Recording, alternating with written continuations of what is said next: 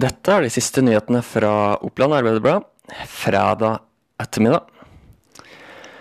Lange køer for å handle en uh, siste gang hos uh, garnbutikken Lykke.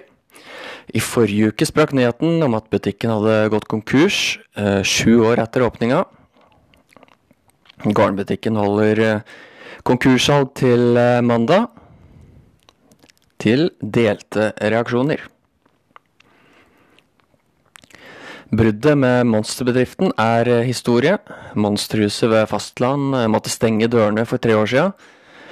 Men eh, Stig Morten Seierstad ville tilbake til Gjøvik og fortsette sin misjon.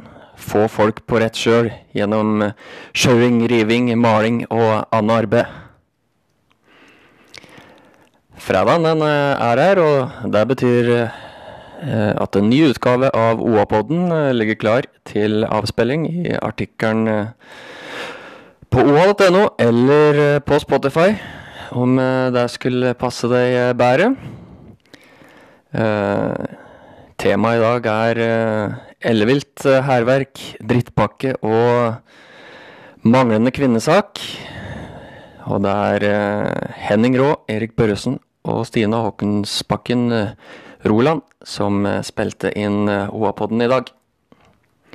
Få også med deg OAs eh, fotballmagasin. Tom Henning Håvi diskuterer sammen med Knut Befring protesten mot Raufoss. Og tar tempen på lørdagens herlige lokaloppgjør mellom Kolbu og Toten i cupen. Følg ellers med på åd.no for flere nyheter enn i fredagskvelden. Vi tar das.